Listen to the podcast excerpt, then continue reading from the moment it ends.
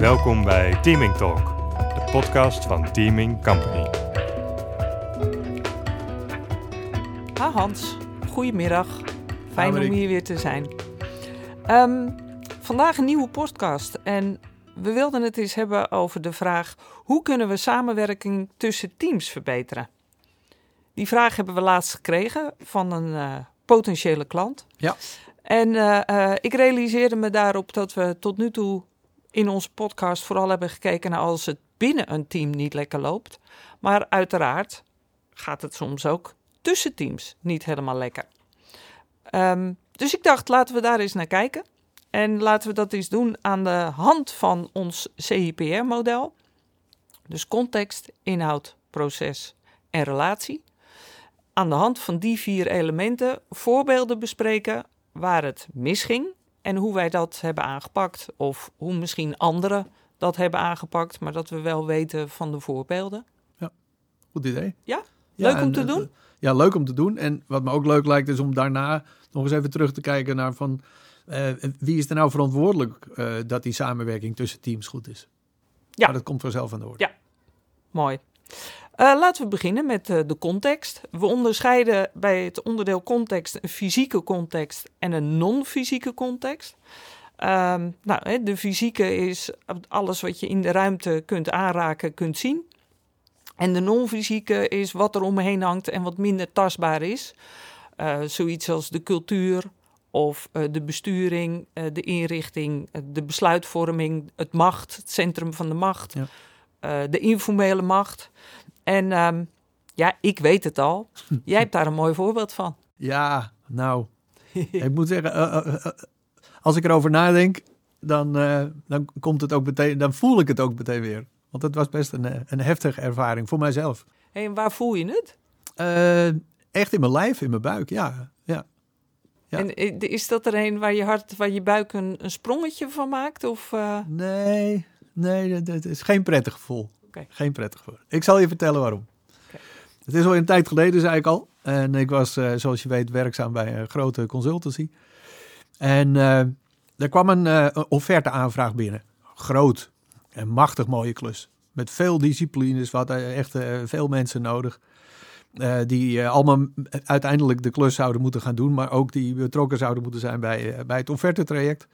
En het proposal team bestond uit zowel Nederlanders als Fransen. Want het hoofdkantoor van dat, eh, van dat bedrijf waar we aan het werk zouden gaan, zat in Parijs. Eh, en de afspraak was dat, dat eh, het Nederlandse team de leiding zou hebben voor dit proposal traject. En ik mocht dat team aanvoeren. Dus we gingen voortvarend met z'n allen aan het werk om een pracht van een offerte te maken. En dat ging heel goed. Er werd goed samengewerkt tussen, tussen Nederland en Frankrijk. We voelden ons echt als één team. Ehm, maar omdat het hoofdkantoor, zoals ik al zei, van die klant in, eh, in Frankrijk zat, zouden onze Franse collega's de uiteindelijke offerte op een USB-stick, zo ging dat eh, toen al, eh, afleveren bij de klant. Nou, zo, zoals we afgesproken hadden, gebeurde ook. En in de dagen daarna kreeg ik een aantal vragen van de klant, waarbij ik dacht van, hé, waarom stellen ze die vraag nou? Dat stond toch heel anders en heel duidelijk in de offerte. Eh, hoe, hoe komen ze er nou bij dat ze deze bedragen noemen? Want die herken ik niet. Of eh, hoe, hoe komen ze erbij dat ze deze stap eh, benoemen, terwijl we die stap toch niet in de offerte hadden meegenomen? Dus ik kreeg op een gegeven moment toch wel een soort vraagteken, maar ook een soort argwaan van wat is er gebeurd? Ehm, en ben toen mijn Franse collega's aan de tand gaan voelen. En heb ook uiteindelijk via de klant, mind you, de, de, de door hen ontvangen offerte in handen gekregen. En dat bleek een andere versie te zijn dan de, de versie waar ik eh, in eerste instantie mijn handtekening onder had gezet. Dus dat was eh, heel bizar. Eh, eh, weet je, en eh, ja, dat, dat, dat, is, dat heeft mij zo eh, pijn gedaan ook. En, en zo eh, met vertrouwen in, eh, in die samenwerking geschaad. En de oorzaak daarvan, weet je, eigenlijk heel simpel. Er is een Frans team met een Franse baas. En die Franse baas die had op het laatste moment bedacht dat er toch een aantal eh, dingen eh, in die offerte gewijzigd moest worden. Want dat vond hij toch beter. Ja, hij vond het eigenlijk niet nodig om dat eh, met, met de rest van het team te overleggen. Of ons op, de minst, op zijn minst daarvan op de hoogte te brengen. Nou, dus weet je, wat het mij wel heeft geleerd is dat de organisatiestructuur en ook de besturing eh, binnen zo'n grote organisatie, die moet helpen om die samenwerking ook daadwerkelijk goed te houden. En, eh, en eh, weet je, de, de, de mensen in het Franse deel van het team, die hadden natuurlijk, ja, die luisterden ook naar hun Franse baas. Want Tuurlijk. dat was de, de persoon waar ze uiteindelijk hun salaris van kregen. Maar even voor mijn begrip, ik hoor jou zeggen dat je, jij was aangesteld om dat proposal team te leiden. Ja. Eh, en jouw opdrachtgever was die Franse baas. Nee, nee, nee, nee. Oh, nee. hoe zat dat dan? Nee, die Franse, de Franse baas van, eh, van hè, onze collega, die was feitelijk eh, alleen maar teamlid in het, in het Franse deel van het proposal team. Maar dat was wel de man die uiteindelijk besloot dat er dingen veranderd moesten Ja. worden. Op zijn eigen houtje. Dus jij was de leider van het proposal team. Hij was daar lid van, Ja. maar wel op een andere manier. En jij zei net, mijn handtekening stond eronder. Ja, maar allemaal elektronisch en gescand. Dus eh, ze hadden het voor elkaar gekregen om, eh, om een stukje uit die tekst eh, aan te passen. Wow. Ja, ook En- toen al waren en- pdf's aanpasbaar blijkbaar. Ja, Ja, en, en, en de vragen van de klanten kwamen dus wel weer bij jou terecht. ja, ja, want zo, zo liepen de lijnen. Brr. Ja, precies. En wat, Ja. wat, ehm, wat, eh, wat heb je met deze ervaring gedaan? Ja, nou, de, de- de- even, wat heb ik rationeel gedaan? Ja? Is, eh, is eh, ik, ik had de collega's uitgevraagd en uiteindelijk ben ik hier achter gekomen, dus dat heb ik besproken. Heb ik ook met die Franse baas besproken en ook met, met, de, met mijn eigen bazen in Nederland. Als een casus van, hé hey jongens, wat moeten we hiermee? Ehm, en ik heb eh, op emotioneel niveau eh, ook op dat moment wel eh, besloten dat ik niet zo lang meer bij dit bedrijf wilde werken. Want dat het mijn, mijn waardesysteem, mijn persoonlijke waarden zodanig raakte dat ik dacht, ja, dit wil ik gewoon niet. Dat doet mij ook vermoeden dat, wat, dat de uitkomst van het rationele proces, zoals je dat beschrijft, ook niet bevredigend was. Nee, niet, niet voldoende bevredigend om, eh, om me daar weer van af te brengen. Nee, van nou joh, dat komt wel eens voor en eh, gaan we volgende keer anders doen. En, Wauw. nou ja, een voorbeeld op eh, de niet-fysieke context. Ja. Ehm, zal ik een voorbeeld doen op fysieke context? Ja, ben benieuwd. Ja, twee teams die nou met elkaar samenwerken, maar in verschillende landen. Sterker nog, in verschillende werelddelen. Dus die hebben te maken met eh, andere tijdzones. En hoe ga je dan toch, wetende dat je te maken hebt met die andere tijdzones, hoe ga je dan toch goed met elkaar samenwerken? Nou, in dit geval hebben ze het opgelost door in ploegendiensten te gaan werken. Wat heel erg vreemd was in de context van een RD-organisatie. Maar ze hebben het wel gedaan, zodat beide teams meer overlap in de tijdzone hadden. En wat ik heel leuk vond, is dat ze eh, continu een camera lieten lopen. Die eh, eh, het mogelijk maakte om tussendoor kleine gesprekjes te voeren. Als het ware, door er ook een koffiezetautomaat bij te zetten, creëerden ze een internationaal koffiemomentje. Leuk. Ja, waar we nu in deze coronatijd veel meer mee te maken hebben. En, Ja, en maar toch, toen al, ja. en toch verbaast het me dat mensen alleen maar via een afspraak met elkaar in contact lijken te komen. En niet gewoon zeggen, we zetten het allemaal open en dan gaan we aan de slag. En als iemand een vraag heeft, alsof je in een kantoortuin zit, Ja. dan gooi je die vraag eh, even eruit. Ja. Dat, ik hoor het niet. Ja, dat toevallig, toevallig eh, afgelopen zondag eh, sprak ik iemand die, die werkt bij een digital bedrijf. Ja. Die werken, sommigen werken thuis, sommigen op kantoor. En daar hebben ze inderdaad dat gedaan. Dus iedereen, ze hebben een microfoon uitstaan. Maar eh, iedereen is zichtbaar en ze zitten eigenlijk virtueel met elkaar in een kantoortuin, goed. eh, zou je kunnen Wat zeggen. goed. En ze horen elkaar wel en kunnen elkaar vragen stellen of even kletsen. Interessant om die misschien eens uit te nodigen en te vragen wat daar de ervaringen zijn. Ja, Vind ik wel een hele idee. mooie. ja, voor een eh, volgende podcast. Leuk. Afgesproken. Nu een voorbeeld op inhoud. Ik heb Marieke, er één. Vertel. Ik? Ehm, bij een productiebedrijf, klant, eh, eh, ging de samenwerking slecht op inhoud. Toen ik meemaakte dat inkoop en voorraadbeheer met elkaar in conflict kwamen. En wat bleek? De manager inkoop, die drukte zijn team op het hart dat alles zo goedkoop mogelijk ingekocht moest worden. En je kunt al raden, om dat mogelijk te maken, gingen de inkopers in hoge volumes inkopen. Eh, maar daar was de afdeling voorraadbeheer niet blij mee, want zij hadden meegekregen dat de opslagruimte voor de voorraden elk jaar met 10% moest afnemen om daarmee extra productieruimte te creëren. En wa- waarom moest er dan extra productieruimte komen?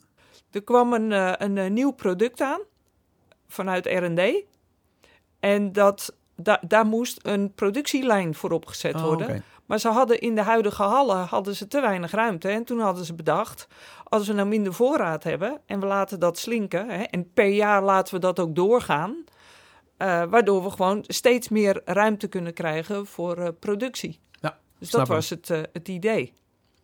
Nou ja, beide teams zouden dus eigenlijk moeten samenwerken. Maar ja, ze hadden allebei een andere, een andere opgave. En dat leidde tot spanning. Overigens een spanning die, zeg maar, twee echelons hoger, expres was gecreëerd. Oh. Alleen, ja, vond ik ook een hele boeiende. Da daar zat in, ja, wij willen echt dat de managers aan de ene kant kijken hoe kunnen we zo goedkoop mogelijk inkopen. En dat er aan de andere kant gekeken wordt, hoe zorgen we dat we zo min mogelijk voorraden hebben. Alleen die, beide managers hadden dat één op één doorvertaald naar hun teams. In plaats van dat met elkaar te bespreken en hoe kunnen we daarin nou voor goede oplossingen komen. En wat heb je gedaan? Nee, de teams met elkaar in samenwerking eh, eh, naar elkaar uit laten spreken. Wat, Mhm. wat is jouw, eh, ja, wa- wat zijn onze opdrachten? De managers er ook bij. En met elkaar gekeken, zij hebben met elkaar gekeken, hoe kunnen we dit nou realiseren? En dat levert nog wel eens spanning op. Maar nu gaan ze in ieder geval met elkaar in overleg. En hoe is het nu met die teams? Ja, volgens mij goed. Ja, fijn. Mooi voorbeeld. Mooi voorbeeld. Ehm, zullen we eens een, een voorbeeld op proces eh, aanpakken dan? Heb jij er een? Ehm, in, een, eh, in een groot eh, voedingsconcern, in een van de fabrieken waar groenten werden ingeblikt, was de hoeveelheid afgekeurde blikken hoog. Mhm. Het ging om dopperten in dit geval. Te hoog volgens de toenmalig directeur. En dat terwijl de verschillende teams die ieder verantwoordelijk waren voor een deel van het totale productieproces, het eigenlijk best goed deden. En naar hun eh, gevoel ook best binnen de foutmarges bleven. Onderzoek wees uit, en dat was een initiatief van die directeur, dat de, dat de teams zich feitelijk niet bewust waren van waar het team voor hen en het team na hen mee bezig waren. En nooit hadden ze met elkaar gesproken en uitgesproken eh, hoe ze die halffabrikaten aangeleverd zouden willen krijgen. En wat ze lastig vonden in hun deel van het proces. Dus ook een beetje vergelijkbaar weer met, eh, met het voorbeeld wat jij net gaf. Maar nu gaat het echt over het proces eh, en de delen in de keten. Ja. Ja. Ja. Waar we voor gezorgd hebben is dat de, die, die, die verschillende teams het gesprek met elkaar gingen voeren. Dat ze elkaar vertelden hoe ze de halffabrikaten graag aangeleverd kregen. Eh, wat ze meemaakten in hun proces, wat, hun, wat het doel van hun activiteiten was. En, eh, en hoe ze ook in het vervolg eh, het stokje, het estafette stokje, aan elkaar zouden doorgeven. En het graag ontvingen. Eh, maar voordat, hij dat, eh, voordat het zover was, heeft eh, de directeur een keer alle afgekeurde blikken van die maand op een enorme berg op het parkeerterrein van de fabriek laten storten. En de medewerkers met deze berg geconfronteerd. En ze de vraag gesteld: hoe gaan we dit voorkomen? Mooi. Ik heb, terwijl je zat te praten, Hans, moest ik eh, denken aan een heel ander voorbeeld. Waar, eh, wat, ik, nou ja, wat ter plekke bij me naar boven kwam. En dat is een, bij een klant in een matrixorganisatie. Wordt heel erg het spel van de matrix gespeeld. Uh, ik moet je eerlijk bekennen, ik ken geen andere klant waar ze de matrix zo mooi spelen. Hm. En dat betekent dat een projectleider echt heel zuiver is in van wie neem ik mijn opdrachten aan. En ik sprak daar op een gegeven moment met iemand die een kwaliteitsopdracht had. En die ging zelf naar de projectleider. En die zei dat hij in zijn project bepaalde kwaliteitswaarborgen moest inbouwen. En deze kwaliteitsman kwam naar mij en hij zei: Ja, hoe kan dat nou? Hij neemt het helemaal niet over. Hij doet het helemaal niet. En toen ging ik met hem in gesprek. En toen gingen we kijken naar die matrix. En ook van wie moet een projectleider in de matrix zijn opdrachten aannemen. En toen zei hij zelf: Ja, dat is van een product management board. Dat is niet van mij. En terwijl hij het zei, dacht hij: Shoot, ik ben een lijntje gaan lopen door rechtstreeks iets te proberen wat helemaal niet bij mij hoort. Dus hij met zijn kwaliteitsstuk uh, sloot niet aan op de werkwijze en op het proces wat er eigenlijk in de matrix gehandhaafd werd. En wat, uh, wat ze met elkaar hadden afgesproken. Ja, ja, ja. dus, dus uh, waar jouw voorbeeld veel meer zit, denk ik, op het werkproces en de keten. En ik moet dan altijd denken aan de metafoor van een estafette het stokje overdragen. Um, is, is dit voorbeeld meer op proces de rollen? En, en weet wat je rol is en waar je vanuit je rol je opdracht aanneemt en hem uitvoert en hem weer doorgeeft. Mooi, ja, zo belangrijk. Ja. Helderheid in rollen. Leuk. En, en bij die eerste vette, wat ik nog een aardige vind, is um, ook dat mensen zich realiseren dat als je de ontvangende partij bent, dat je op tijd gaat lopen. De, de, de estafette loper die het stokje moet gaan overdragen, die moet op tijd uh, die beweging naar voren maken met het stokje. Maar degene die hem gaat ontvangen, die begint ook al voordat die loper eraan komt. En ik geloof zelfs dat er binnen de atletiek geldt daar een bepaald vak voor ja. op de atletiekbaan. Waarbinnen je mag gaan lopen, maar waarbinnen ook het stokje overgedragen mag worden. Ja, en om dat goed op elkaar af te stemmen, dat vind ik altijd wel een boeiend proces. Ja, en, en in het bedrijfsleven betekent dat, uh, dat dat je dus van tevoren moet weten wanneer dat stokje eraan gaat komen. Ja. Zodat je dat je op snelheid kunt komen. Uh, of anders gezegd, dat je, uh, dat je kunt voorbereiden met je team. Dat je weet wat er nodig is om het straks aan te pakken op het moment dat het er is. En volle vaart door te kunnen. Ja. ja. Mooi. ik moet gelijk ook denken aan uh, alles nu met de vaccins. Hè? Wanneer Waarom, komen die vaccins? Zijn we dan klaar? Hebben we om het aan te nemen? Zijn we klaar om het weer over te dragen naar de regio's en de, de locaties waar ingeënt gaat worden? En dat hele logistieke proces. Wow. Ja, en dan uh, wat zou het fijn geweest zijn als iedereen op tijd klaar was geweest om het stokje te ontvangen. Okay, laten we daar maar niet gaan. gaan. Nee, dan, uh, dan hebben we als we het CIPR-model aflopen, eh, zijn we nu toe aan uh, relatie.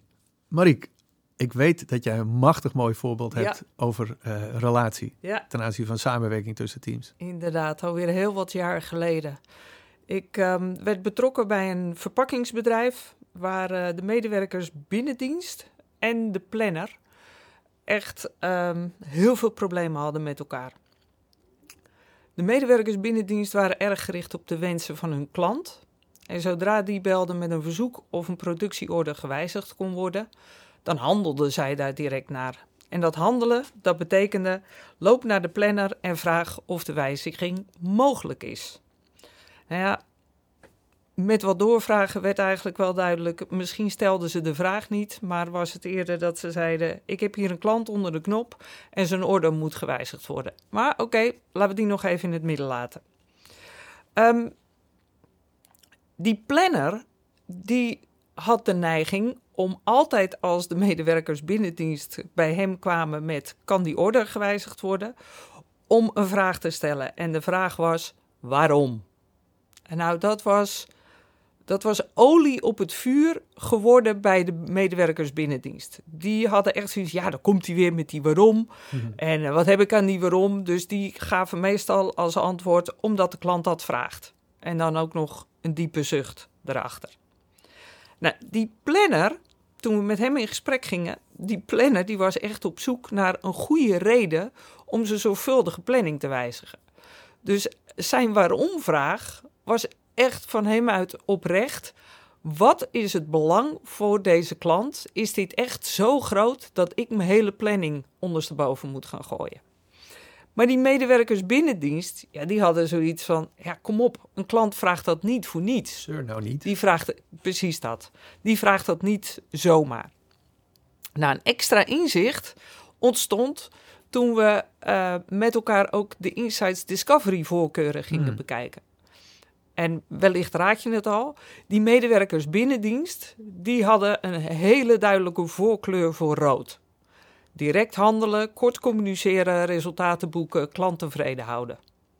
En de planner, ja, die had als voorkleur blauw. Gedetailleerd, iets doen als je weet waarom je het moet doen, zorgvuldig en planmatig. En in zijn planmatigheid werd hij gestoord door die ad hoc acties van de binnendienst. Nou, ehm, door dat met elkaar te bespreken, door ze naar elkaar uit te laten spreken, wat hoor jij als ik bij jou kom met mijn klant wil? En wat hoor jij als ik bij jou vraag waarom? Ontstond er gewoon heel veel meer begrip.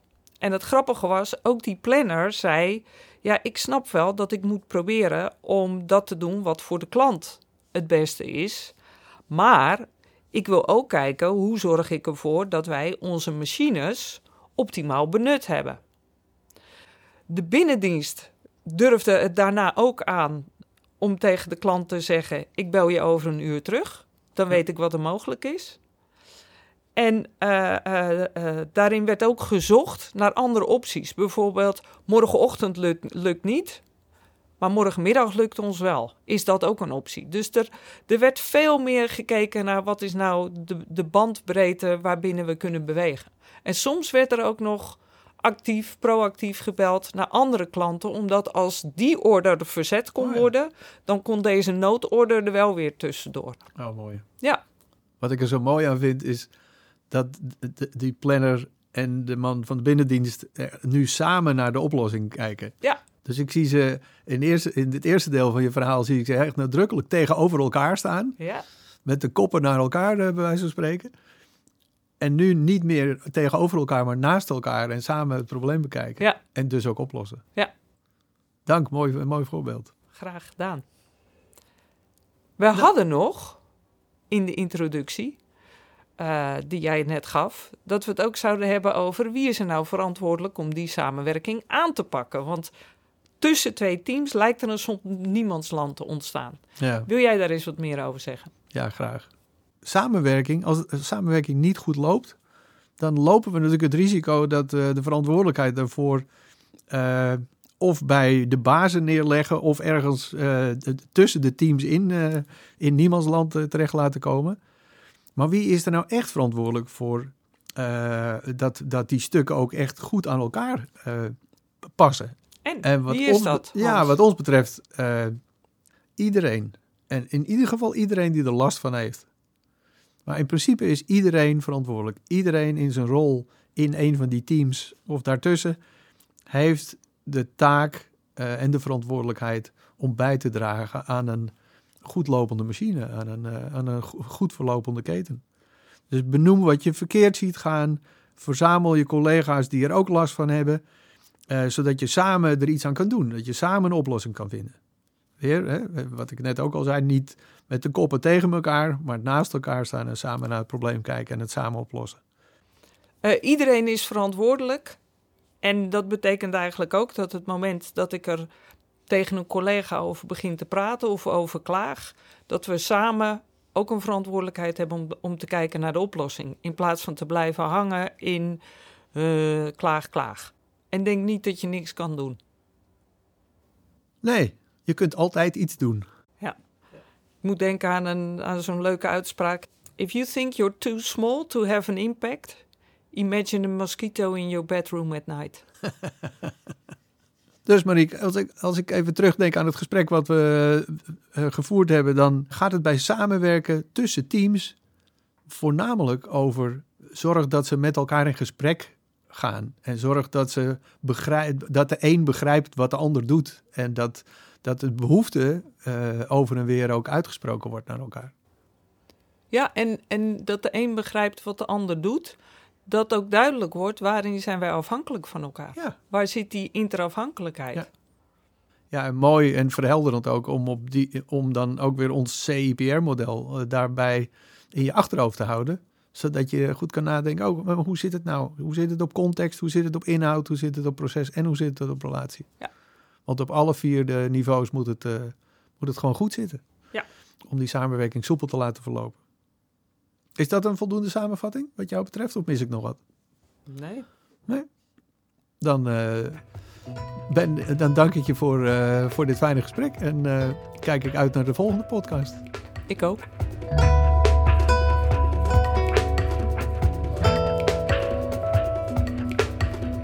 Wil je meer weten over het CIPR-model?